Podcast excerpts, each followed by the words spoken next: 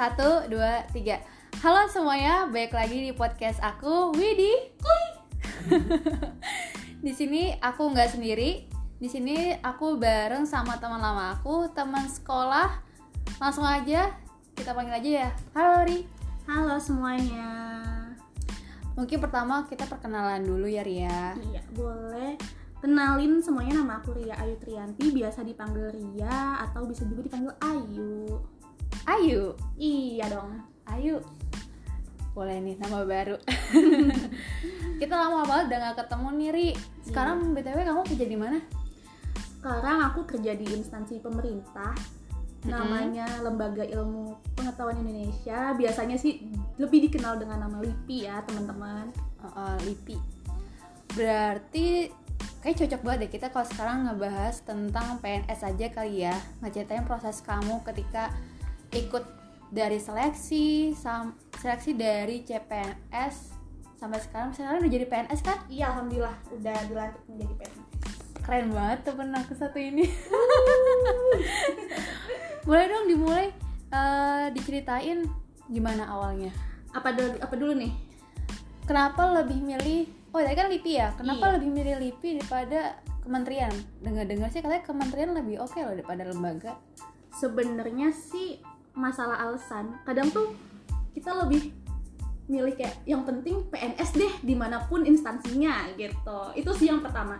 Jadi nggak banyak muluk-muluk lah yang pengen di kementerian ini pengen kementerian ini. Yang penting PNS PNS kan sama aja di Indonesia kan? Nah, alasan lebih lanjutnya kenapa di LIPI pertama itu pas lagi pendaftaran, pas eh, aku lihat-lihat di eh, syarat pendaftaran, yang menarik dari LIPI ini, dia tuh syarat pendaftarannya usianya maksimal 25 tahun. Mm-mm. Itu udah maksimal banget 25 tahun otomatis kan aku mikirnya, wah saingan aku nggak bakalan banyak nih, soalnya ada itu- batasan usianya eh, eh, ya. orang-orang yang ibaratnya udah 25 tahun ke atas kan pasti nggak bakalan bisa daftar tuh. Mm-mm. Harus yang di bawah-bawah ya generasi-generasi milenial ya enggak juga Iya, sih. ya itu terus kenapa lagi karena LIPI itu kan lembaga research ya jadi dia untuk eh, pendidikannya itu mengutamakan banget jadi ibaratnya kalau misalkan nanti suatu saat aku pengen melanjutkan S2 itu bakalan lebih gampang sih kalau di sana dengar-dengar kayak gitu waktu itu jadi ya udahlah memutuskan untuk oh ya udahlah di LIPI aja gitu. Bismillah ya Iya. LIPI gitu. Eh, setelah kamu nih milih sebelumnya di jurusan apa nih kamu? aku kemarin? kuliah jurusan akuntansi S1 S1 akuntansi ya. Iya. Terusnya eh, ambil di LIPI jabatannya sebagai sebagai analis anggaran ahli pertama. Wow. Nah, mungkin yang sekarang kamu boleh ceritain nggak proses dari pendaftarannya gimana, seleksinya tuh sampai pengumuman. Ya jadi eh, aku ceritain secara panjang apa pendek nih? Panjang aja lah ya, biar Panjang mungkin dapet ya. em, banyak banget yang pengen tahu gitu. Oke. Eh, jadi aku ini eh, lulus seleksi CPNS tahun 2018. Mm-mm. Jadi pas pertama kali itu aku dapat berita lihat eh, portal-portal berita aja ya kalau misalnya CPNS mau buka nih waktu itu kebetulan aku juga baru lulus kan lagi nyari-nyari kerjaan yang eh, enak lah ya ibaratnya. Timingnya pas banget hmm, ya. akhirnya aku buka-buka eh, portal bagaimana cara pendaftarannya segala macam akhirnya aku coba untuk daftar daftarnya itu bisa di daftar online waktu itu sih nama portalnya SSCM BKN. bkn.go.id ya tapi sekarang kayaknya jadi SSCASN gitu Mm-mm. terus eh, akhirnya kita bikin akun dulu bikin akun habis itu kita ngelengkapin administrasi. Administrasinya itu eh, yang dilengkapin itu ada scan KTP terus ada swafoto swafoto tuh kayak foto sambil megang KTP gitu. Terus ada ijazah terakhir transkrip nilai asli kartu keluarga sama dokumen pendukung misalnya eh, sertifikat keahlian atau juga TOEFL gitu sertifikat buat eh, Mm. penambah itu ya. ya terus untuk tahapan tesnya ya Mm-mm. untuk tahapan eh, tesnya sendiri tuh pertama ada seleksi administrasi jadi tuh eh, dicek dulu nih kelengkapan Bekas-bekas yang iya bekas-bekas yang udah di-upload. Heeh. kayak gimana kalau bisa sih emang eh, pas lagi seleksi administrasi kan kita ngap, eh, ngupload foto-foto segala macem kan ya itu harus sesuai banget sama yang de- eh, di peraturannya misalnya untuk hal sepele kayak misalnya foto fotonya itu harus pakai dasi atau enggak. Oh, kalau yang misalnya kayak gitu? iya misalnya di eh, syaratnya itu dia harus menggunakan dasi. Ya dipakai dasinya. Karena kalau misalnya dasinya nggak dipakai itu udah otomatis gugur gitu. Diskualifikasi. hal sekecil itu harus emang diperhatiin. Habis kayak gitu udah nih pengumuman seleksi administrasi. Pas udah dinyatakan lolos kita tuh berhak untuk mengikuti tes SKD Mm-mm. seleksi kompetensi dasar. Itu ada eh, melalui CAT dia. Komputer assist test ada tiga tes yang pertama itu ada tes karakteristik pribadi Oh, ada betul. tes wawasan kebangsaan dan tes intelijensi TWK. umum itu itu. masing-masing dia ada 100 soal TKP-nya itu 35 soal TWK-nya 30 soal TIU-nya 35 soal ini bobotnya itu Dengan 40 waktu berapa tuh kira-kira dengan tadi? waktu kalau nggak salah 90 menit 100 soal nah dari situ kita tes itu ada passing grade-nya passing grade-nya untuk TKP itu 143 poinnya TWK-nya itu 75 dan TIU-nya 80 kalau misalnya kita di bawah passing grade walaupun salah satunya misalnya TIU-nya nih kita nih nggak melalui passing grade itu udah otomatis gugur gitu walaupun eh, udah maksudnya nilainya udah bagus lah Iya, ya udah tapi tinggi tapi ada yang- masing-masing Oh, oh. dari TWK, TU misalnya nggak nggak masuk passing grade tetap gugur tetap ya. gugur dan kecuali itu ada kayak aku kan jalurnya formasinya umum ya. Mm-mm. kalau misalnya ada jalur formasi cum laude itu dia ada kayak semacam keuntungan. Ya keuntungannya itu eh, dia tuh ada namanya dia tuh nggak ada passing grade. Passing grade-nya itu adanya tuh di nilai kumulatif. Yang penting nilai dia tuh di atas 298 secara keseluruhan. Oh, sama eh, ada di TIU-nya. Di TIU-nya itu minimal 85 itu aja sih passing grade-nya di 85 sama nilai kumulatif 298 waktu Berarti itu award komod itu passing grade-nya nilai secara keseluruhannya iya aja. dan TIU-nya aja yang TU-nya diperhatiin aja. Habis itu kalau kita udah lolos dari SKD itu kita ke SKB. SK, SKB itu seleksi kompetensi, bidang. Nah, Ini Yes. proses ke seleksi kedua ya? Eh, eh, ketiga. setelah SKD. Administrasi, SKD dan sekarang SKB. Iya. Di SKB itu sebenarnya secara eh, wajibnya itu mengikuti CAT dari BKM. Mm-mm. Itu ada 100 soal. Nah, terus setelahnya itu itu tergantung instansi masing-masing kebijakan instansi lain eh, instansi masing-masing sendiri. Ada yang Sebelumnya lalu sebelumnya di SKB tuh nggak ada wawancara Nah itu itu tergantung eh, masing-masing instansi. instansinya. Eh, ada instansi yang dia ada tes potensi akademik, ada yang praktek kerja, ada yang tes bahasa asing, tes fisik, Mm-mm. psikotes, wawancara, tergantung instansinya mau melakukan tes apaan aja. Kalau di LIPI sendiri sih waktu itu aku eh, tes esai sama wawancara itu aja sih dua. Esai, esai apa isian nih? Esai, Esai. esai itu kita bikin eh, ya bikin esai aja seribu kata waktu itu kalau nggak salah. Oke. Itu aja sih. SKD udah, SKB udah. Terusnya langsung pengumuman ya? Iya, habis itu pengumuman. Setelah dikumulasi nilainya antara si SKD, SKB, SKD itu 40%, SKB itu 60%. Kalau udah dikumulasi, terus udah disaring, baru Iya. pengumuman lagi yang benar-benar lolos CPNS-nya gitu. Kemarin formasi berapa tuh? formasi uh, di analis untuk analis anggaran ahli pertama di LIPI, formasi jalur umum itu ada dua yang diterima. Ada dua dari yang ngelamar kemarin berapa? Kayaknya seratusan kurang lebih. Wow, itu banyak banget loh. Oh, Itu banyak iya banget. sih. Terusnya reaksi kamu nih setelah dapat pengumuman, eh ternyata aku lolos gitu. sebenarnya eh, LIP ini lucu Kayak- juga sih Lucu gimana? karena pengumuman kelulusan CPNS lolos nggak lolosnya itu tanggal 31 Desember jam 11 malam 11 malam, malam tahun baru. Malam tahun baru Itu kita bener-bener- harusnya biasanya kita iya kayak lagi kayak tahun di baru, luar gitu kan iya. lagi heaven heaven jadi jam 11 malam itu aku lagi di luar posisi lagi main sama temen-temen ngerayain malam tahun baru lah ya biasa anak muda. Terus tiba-tiba jam 11 itu ngedenger dari grup pengumuman udah keluar, Keluar. gitu. Dan di situ aku kayak mikir aduh nggak berani buka deh takut gitu. Soalnya kalau aku nggak diterima otomatis bakalan ngancurin mood malam tahun baru itu gitu kan. Iya. ya udahlah nggak berusaha untuk ada bodo amat bodo amat gitu nggak mau lihat besok lagi aja besok lagi aja. Terus tiba-tiba ada temen aku yang ngechat kalau misalnya eh diterima tahu gitu. Lo diterima gitu. Hah beneran? Itu bener kayak yang ah bohong kali bohong. Itu Masih masih, belum belum masih belum buka masih belum buka. Uh-uh. ah beneran gak sih? Buka nggak ya buka nggak ya? Akhirnya ah udah deh nggak usah. Akhirnya nyampe selesai acara dulu nyampe balik ke rumah baru beraniin buat buka. Ternyata bener alhamdulillah lulus terus gemeteran kayak yang bingung linglung nggak tahu lagi deh pokoknya mau ngomong apa orang, kaget orang tua gimana orang tua? Orang tua lagi tidur waktu Lagi itu. tidur pas bangun-bangun baru ngeliat beneran lulus gitu? Beneran, Oh, iya, gitu. iya ya Allah selamat ya gitu antara percaya dan nggak percaya ya. Iya gitu sih. Nah kan tadi pak udah jadi jelasin tuh seleksi seleksinya terusnya eh, ujiannya segala macam. Sebelum kamu ikut ujian itu ada nggak persiapan khusus yang kamu benar-benar prepare gitu kalau terusnya materi apa aja yang kamu pelajarin? Sedangkan kan itu banyak banget tadi yang kamu jelasin. Iya. soal-soalnya dari TWK, TIU segala macam persiapannya kamu apa aja? Persiapannya apa ya? Sebenarnya sih yang penting kita belajar dulu nih. Kita belajar dulu jadi kita tuh jangan terlalu buta-buta banget. Kita harus update informasinya dulu nih tentang PNS itu tesnya ngapain aja sih itu itu pertama. Terus eh, pelajarin jangan capek belajar deh ibaratnya belajar itu kan sebenarnya bisa dilihat dari mana aja ya. Sekarang Iya. tuh kayak di googling tuh udah banyak banget contoh-contoh soal SKD contoh-contoh soal SKB atau dari YouTube itu banyak Pembahasan banget pembahasan soalnya ya. tutorial kayak gitu-gitu. Itu itu, itu benar-benar harus dipelajarin banget nggak boleh capek latihan latihan terus sama, sama manajemen waktu. Manajemen waktu soalnya kan kita untuk satu soal 90 menit ya belum mikirnya ibaratnya kalau misalnya tes SKD ada hitung-hitungannya. Mm-mm. belum hitung selesai udah berapa menit kehabis waktunya kayak gitu. Terus harus fokus Ter- terus habis itu jaga kesehatan fisik.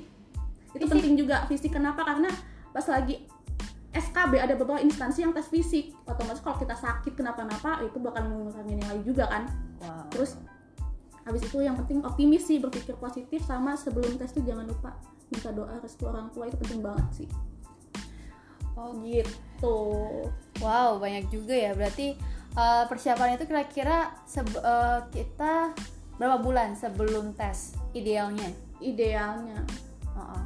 Tiga bulan kah? Lima bulan? ya sebenarnya sih untuk belajar tuh nggak ada idealnya ya Iya jadi sebenarnya intinya persiapin aja deh kalau misalnya udah denger denger nih eh tahun ini bakalan buka loh formasi CPNS udah tuh langsung deh tuh belajar tuh jadi jangan nunggu nunggu Iya sih, jangan ditunda-tunda iya ya. kalau belajar mah belajar aja udah Pas banget nih. eh, besok kan ada tahap selanjutnya nih dari CPNS 2019 ya. Besok tuh ada bulan bulan Agustus ya? Eh, bulan September. September September SKB CPNS 2019 mau diadain nih. Hmm. itu ada perbedaan nggak sama CPNS 2019 Karena sekarang juga kita lagi dialami juga juga ada pandemi kan ya ya itu ada nggak proses perbedaannya perbedaan antara kayaknya sih paling sama aja ya kalau untuk prosedur tes SKB melewati CAT mungkin dari sananya cuma menjalankan protokol kesehatannya aja sih. Misalnya untuk tesnya mungkin dibagi sesi-sesi waktunya lebih banyak Iya. atau gimana. Yang penting sih kita juga bawa hand sanitizer ke mana-mana pas mau tes segala protokol macam. kesehatan Iya, tetap eh, harus dijalanin ya itu aja sih sama ya kondisi fisiknya nih benar-benar harus sehat banget deh baru bisa Mm-mm. ikut kayak gitu betul bisa ya. tapi kalau misalnya kita nih eh, mau ikut tes Hmm. terusnya kan itu pasti dari sana panitia ada ngecek suhu lah segala Iya, macam kalau pasti misalnya kita nggak masuk kriteria kayak gitu kita eh, di bakal ditunda tesnya atau langsung Tahu aku sih boleh tetap ikut, tetap boleh ikut, cuma dikasih kayak ada penanganan khususnya gitu loh, kayak eksklusif lah untuk penanganan yang untuk pasien-pasien kayak gini. Oke. Nah, gitu sih. setelah itu kesan dari pengumuman terusnya akhirnya nggak masuk kan ya Hmm. sebagai CPNS itu gimana kesannya? Kesan- Ada perbedaan nggak iya. sama pekerjaan sebelumnya? Sebenarnya eh, untuk masuk CPNS sendiri kayak sesuatu yang wah ini amanah baru nih, tanggung Iya, jawab baru betul. gitu kan. Terus apalagi namanya CPNS, PNS itu kan bukan kita bukan cuma bekerja untuk negara doang ya, tapi Iya. kan jadi kayak ada apa ya batasan untuk diri sendiri terutama kita kan menjadi kayak role model dari masyarakat ya Iya. jadi kita harus membatasi dalam bersikap atau bersosialisasi jadi panutan lah buat masyarakat gitu Mm-mm. gitu aja sih palingan Lebih bertanggung jawab ya pokoknya ya Mm, untuk untuk dari pekerjaan pekerjaan yang yang ini. sebelumnya karena pekerjaan yang sebelumnya juga masih di ruang lingkup yang sama ya jadi nggak ada perbedaan yang signifikan banget sih bisa menyesuaikan lah intinya Oke. Di sana jobdesknya apa aja ya, Yari ya? Eh, kalau untuk job desk-nya kebetulan Khususnya sih buat posisi jabatan kamu Iya. sekarang. eh, kebetulan karena aku ditugasin di sub bidang sub maaf subbagian pengendalian dan evaluasi anggaran. Waduh apa tuh? Ya jadi dia tuh eh, kerjanya secara umumnya aja nih ya Iya, secara umumnya aja. orang-orang baru pernah denger gitu. Dia tuh eh, kerjanya itu kayak melakukan pengajuan revisi anggaran. Mm-mm. jadi kan kita dapat anggaran nih dari eh, Kementerian Keuangan misalnya untuk instansi ini berapa. Nah itu kalau misalkan kita mau melakukan revisi itu bisa. Itu nanti diajukannya ke. Direktorat Jenderal Anggaran di Kementerian Keuangan. Nah itu bagian aku yang ngurusin. Sama eh, melakukan pengendalian evaluasi anggaran tuh biasanya untuk secara umumnya kayak gini. Kayak memastikan itu anggaran itu sesuai dengan peruntukannya gitu loh. Yang digunakannya? Mm-mm. oke. Kita jadi kalau misalkan kita dikasih uang segini ya hasilnya harus kayak gimana gitu loh. Mm-mm. bener nggak nih hasilnya kayak gini gitu jadi nggak nggak keluar dari jalur lah itu uang-uang gitu. Terus tantangan kamu ada nggak di situ? Tantangan untuk bekerja sih sebagai jabatan yang sekarang ya. Ada banget ada banget. Soalnya kan gini kalau misalnya di LIPI itu kan dia lembaga research ya otomatis eh, para penelitinya ini kan dia pendidikannya minimal S2 lah ya S2 eh, magister, Sebagai peneliti itu ya, doktor atau profesor. Sedangkan eh, di sini kan aku sebagai admin ya admin itu S1 lah ya waktu pas masuk tuh Mm-mm. jadi bagaimana tugas kita kan di sini melayani para peneliti-peneliti nih. Mm-mm. Bagaimana harus menyatukan, menyesuaikan pemikiran kita dengan pemikiran mereka yang otomatis pemikiran mereka tuh wah bak- bakal lebih hebat banget kan. Jadi ibaratnya kita tuh harus bisa mengerti apa yang mau dia mau itu kayak gimana, penelitian itu kayak gimana dan itu ranah penelitian itu banyak banget dan kita berusaha untuk menyesuaikan itu loh. Jadi kita harus berusaha untuk mengerti penelitian itu kayak gimana gitu. Itu aja sih menyatukan pemikiran antara kita sebagai admin dengan peneliti yang ibaratnya jenjang pendidikannya lebih tinggi. Tuh. Wah itu pasti butuh proses apa adaptasi yang iya, lama ya. lumayan sih itu yang bikin sampai sekarang juga masih kadang ini apa sih gitu lah harus belajar belajar banyak lagi gitu. Dan pasti harus belajar otodidak juga ya buat Iya, betul. kayak gitu. Fakta opini sebagai CPNS nih. Soalnya aku uh, ketemukan ya di luar sana katanya CPNS CPNS di luar tuh katanya kerjanya enak gitu. Kerjanya enak. Ini ada yang bilang cuma main Zuma doang. Terus Oh, ya iya. ada yang absen doang abis itu keluar Pulang nah, gitu gitu. ya. Itu benar gak sih di sana? Enggak dong. Iya sih. Sebenarnya jadi PNS itu nggak kelihatan yang nyantai-nyantai gitu enggak. Iya. Enggak bahas soal kita tuh kita tuh kerja juga dinilai loh gitu. Kita tuh kerja ada targetnya loh. Dan kalau Mm-mm. kita misalnya mau leha-leha kayak gitu, ini kita kerja ya bakalan stuck di situ-situ aja gitu. Itu Gitu. opsi. Iya, terus untuk masalah fakta opini itu dari kita pengumuman kelulusan CPNS sebenarnya kelulusan CPNS kita diterima CPNS itu kayak bukan akhir dari segalanya gitu justru itu kayak Awal dari Awal kita dari berjuang, gitu ya. berjuang yang baru Masih lagi nih awal. soalnya setelah lulus CPNS itu setelah kita dinyatakan benar lulus itu selama kan ada jeda waktu ya antara dari kelulusan CPNS sampai kita dilantik menjadi PNS itu kurang lebih satu tahun Iya. Nah, selama satu tahun itu kita ya nggak diem-diem aja. Di situ juga kita masih ada tes-tes berikutnya. apa aja Ada tuh? kayak tes narkoba, terus ada diklat. Diklat itu kita di karantina nanti di asrama beberapa bulan. Dan di situ juga diklat bukan cuma kita diklat main-main di asrama doang, tapi kita di situ kayak menyel- ibaratnya kayak menyelesaikan suatu project. Di situ kita kayak ibaratnya tuh skripsian kali ya. Skripsi ada ada ujiannya, Iya. ada kayak eh, sidangnya juga kita bikin eh, apa ya kayak semacam ya skripsi gitulah ada proposalnya terus nanti hasil sidang akhirnya kayak gimana itu nanti yang menilai sendiri atasan-atasan di sana gitu. cuma beda kalau skripsi mungkin kita sampai penyelesaian masalah aja ya tapi kalau di Eh, harus di- sampai bukti akhirnya Ah, kalau gitu. di dikat kita harus juga menyelesaikan dan ada buktinya juga iya heeh. ada kalau misalnya lah ibaratnya ah, kalau misalnya gitu. eh, nggak sampai nggak menyelesaikan gitu gimana ya bisa dengan mudah untuk dikeluarkan dari instan instansi juga nggak bakal mempertahankan kita otomatis kita pasti dikeluarkan kalau emang kita nggak berkompetensi ya ngapain dipertahankan gitu? Iya.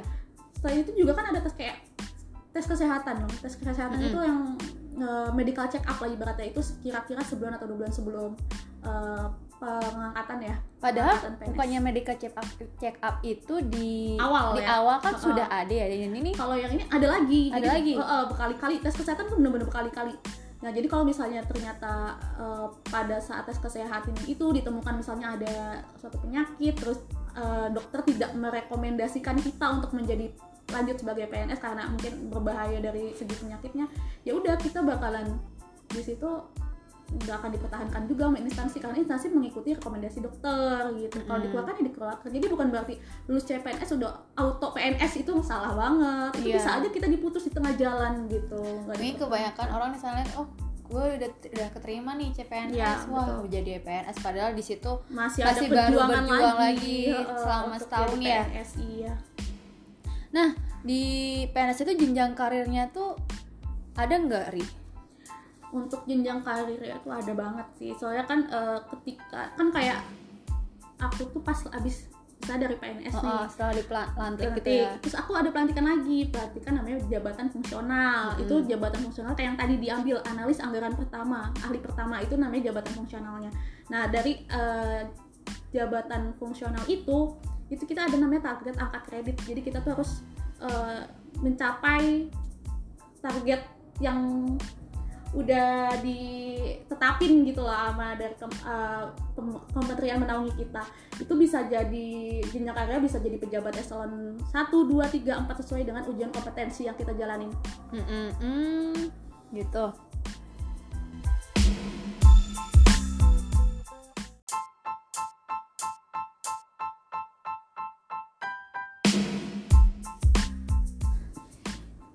kan kalau untuk PNS eh, pasti kalau misalnya kita kerja ada jenjang karirnya ya. Kalau di PNS tuh jenjang karirnya apa aja Ri?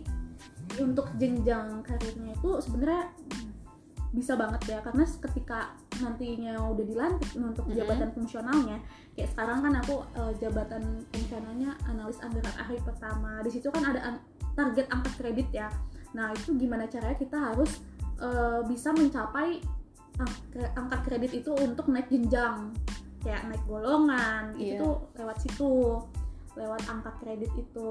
Terus untuk misalnya kita mau jadi pejabatnya nih misalnya mau pas pejabat eselon 1, 2, 3, atau 4 itu bisa banget dengan mengikuti tes ujian kompetensi. Kalau misalnya emang tes ujian kompetensinya mumpuni ya itu bisa aja. Kita Oh, bisa berarti posisi-posisi Pas tersebut. kamu dilantik itu belum jadi eselon masih fungsional. belum. Kalau eselon itu udah masuknya kayak eh, kasubag subag itu udah baru masuk eselon Oh gitu. gitu Terusnya kalau misalnya mau naik jabatan itu pasti ada tesnya lagi. kalau Tes untuk kompetensi yang tadi kamu bilang. eh, naik jabatan itu Mm-mm. tergantung sih kalau misalnya eh, dari angka kredit juga bisa jadi Mm. ngumpulin angka kredit itu untuk mencapai target itu bisa jadi kayak ada- di aku ini contohnya analis anggaran pertama itu ada ahli pertama sama ahli muda dari pertama untuk ke muda itu ada tes ujiannya lagi Ada ujiannya lagi. ada kompetensinya lagi gitu itu sih jadi jenjangnya sebenarnya banyak banget untuk naik jenjangnya itu proses-prosesnya gitu. Termasuk kalau misalnya kita uh, selesai S2 ya, Iya. gitu. Nah, kamu kepikiran gak nih mau lanjut S2 setelah udah lulus PS pasti orang-orang ah mumpung masih muda dan masih kita juga belum Hmm, nikah iya, gitu betul. kan. Kayak kita ngambil kesempatan ngambil S2 deh belum sebelum sebelum kita pusing-pusing sama kerjaan lainnya. Iya.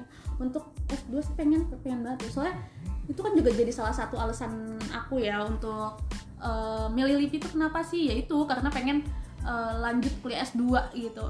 Nah, tapi dengan syarat kalau nggak salah sih baru boleh bisa sekolah lagi setelah satu tahun pengangkatan menjadi PNS. Setelah pengangkatan. Mm, kalau ini kan aku belum belum inilah ya belum baru berapa bulan setelah pengangkatan PNS ya jadi belum Pengangkatan bisa. kemarin tanggal apa bulan apa nih? bulan pengangkatan itu kalau nggak salah bulan Maret Bulan Maret ya. Iya. Pas banget Maret itu. atau Februari gitu lupa juga Pas banget berarti masuk pandemik ya. iya itu udah mau mulai mulai masuk masuk pandemi gitu masih belum sih waktu itu Kemarin itu berarti virtual nggak? Nggak Peng- untuk Pengangkatan. pengangkatan PNS-nya enggak kemarin. masih pengangkatan secara langsung tapi kalau untuk jabatan fungsionalnya itu udah virtual Mm-mm. Nah, kalau misalnya kamu nih mau lanjut S2, pasti kita juga ada pertimbangin. Kita kayak enak deh kalau misalnya ngambil beasiswa. Iya. Apalagi Mm-mm. eh, LIPI kan ya. Iya. Dengar-dengar LIPI itu ada beasiswa yang lebih bag- apa lebih khusus lah karena eh, jaringannya banyak Iya. gitu. Sebenarnya untuk kita mau lanjut ke pendidikan S2 itu ada dua pilihan. Ada namanya izin belajar atau tugas belajar. Mm-mm. Izin belajar itu kita biaya sendiri biaya sendiri full ya kita izin belajar tuh biaya sendiri itu kita eh, bekerja sambil kuliah jadi kerjaan kita tetap berja- berjalan gitu loh kalau tugas belajar tuh kita beasiswa dengan eh, keuntungan itu kita lepas masa kerja. Jadi kita nggak sambil kerja gitu. Hmm see. Gitu untuk beasiswanya emang di LIPI itu lebih mudah kayaknya ya. Karena namanya LIPI ya lembaga ilmu pengetahuan gitu. Relasi universitas-universitasnya juga banyak kayak LPDP itu semuanya kan kerjasama semua sama LIPI Iya, gitu. jadinya lebih mudah lah untuk mengambil beasiswa di sana dan apalagi kalau di sana kan juga orangnya lebih meneliti kan kemarin S2 S3 kan Iya. ya lebih bagusnya emang staff staffnya juga di kalau bisa sih kuliahnya juga lebih tinggi, Mm-mm, ya setara lah ibaratnya sama ah. penelitinya iya gitu. betul nah karena pandemik ini datangnya pandemik ini kerjaan jadi terganggu nggak untuk kerjaan sih masalah terganggu lumayan terganggu ya karena kita harus bekerja dari rumah gitu sebenarnya kalau peraturan kebijakan Delipi sendiri ini eh, ada WFO sama WFH untuk WFO itu dibatasi untuk orang-orang yang emang pekerjaannya nggak bisa dibawa dilakukan rumah. di rumah gitu. Jadi kalau misalnya dia harus eh, ada koordinasi secara langsung atau pekerjaan-pekerjaan yang eh, nggak bisa dilakukan mobile lah itu baru dia harus ke kantor. Tapi kalau misalnya dia kerjanya bisa mobile nggak ada gangguan dan tetap berjalan ya dia bekerja dari rumah. Sampai saat ini sih aku terakhir masuk kayak bulan Maret itu jadi Bulan sekarang masih mobile aja gitu di rumah-rumah kan ngerjainnya. Berarti dari pengangkatan langsung tuh? Ya WFH WFH langsung Sampai sekarang? sampai sekarang bener-bener nggak pernah masuk sama sekali. Karena serem juga ya jadi kalau misalnya nanti ibaratnya kalau misalnya semakin dikit orang yang masuk ke kantor kan jadi kalau misalnya amit-amitnya nih ada yang kena positif Iya. covid lebih gampang ngetresnya ya jadi Mm, mm, mm. oh ini eh, ruang lingkupnya siapa aja nih yang biasanya masuk kantor gitu kalau misalnya banyak yang masuk kantor kan kita susah juga ngetresnya siapa aja nih yang biasanya kontak langsung sama dia gitu sih iya betul, betul. minimalisir itu berarti nggak ada ganti-gantian tiket gitu nggak ada, ada ya? sih. nggak ada Hmm. nah mungkin ada nggak yang perlu yang mau disampaikan ke Ria nih buat yang pejuang-pejuang CPNS 2019 besok mungkin biar mereka lebih termotivasi gitu loh Ri. Hmm, apa ya? Mungkin lebih optimis aja kali ya. Jadi kalau misalnya mau, mau daftar CPNS jangan kayak ya ampun dari sekian banyak yang dipilih cuma segini bisa gak sih? Gitu. Kan biasanya kayak gitu. minder duluan sih emang iya biasanya. jangan kayak gitu gitu. Namanya rezeki mah ada aja deh Iya, gitu. betul. gimana pun jalannya mau lika-liku ya gimana kalau emang udah jodohnya di situ rezekinya di situ insya Allah deh. Ya aku juga kan dapet gitu. mana nyangka gitu ya dari ratusan orang formasi cuma dua gitu tuh duanya tuh aku gitu satu ya Allah gitu kan ya ampun kok bisa gitu ya namanya rezeki mah pasti ada aja. Terus yang penting sama ini berpikir positif doa orang minta restu doa orang tua orang tua itu bener-bener dijabah banget sih insya Allah. Insya Allah. kayak gitu. Iya. Ada lagi Itu nggak aja. nih Ri? udah. Apa? Itu. Eh, itu aja sih. Wih, Oke, kalau saya udah Ria udah ngasih motivasi nih buat ini, mungkin tinggal aku yang mau ucapin terima kasih banget buat Ria yang udah sharing bareng ya Ria. sama Widi Makasih juga udah mau main ke rumah. iya nih Amel juga makasih. Terus ya, semoga kerjanya lancar dan makin berkah. Ya Allah makasih Dan buat kalian sampai ketemu di next episode. Dadah. dadah dah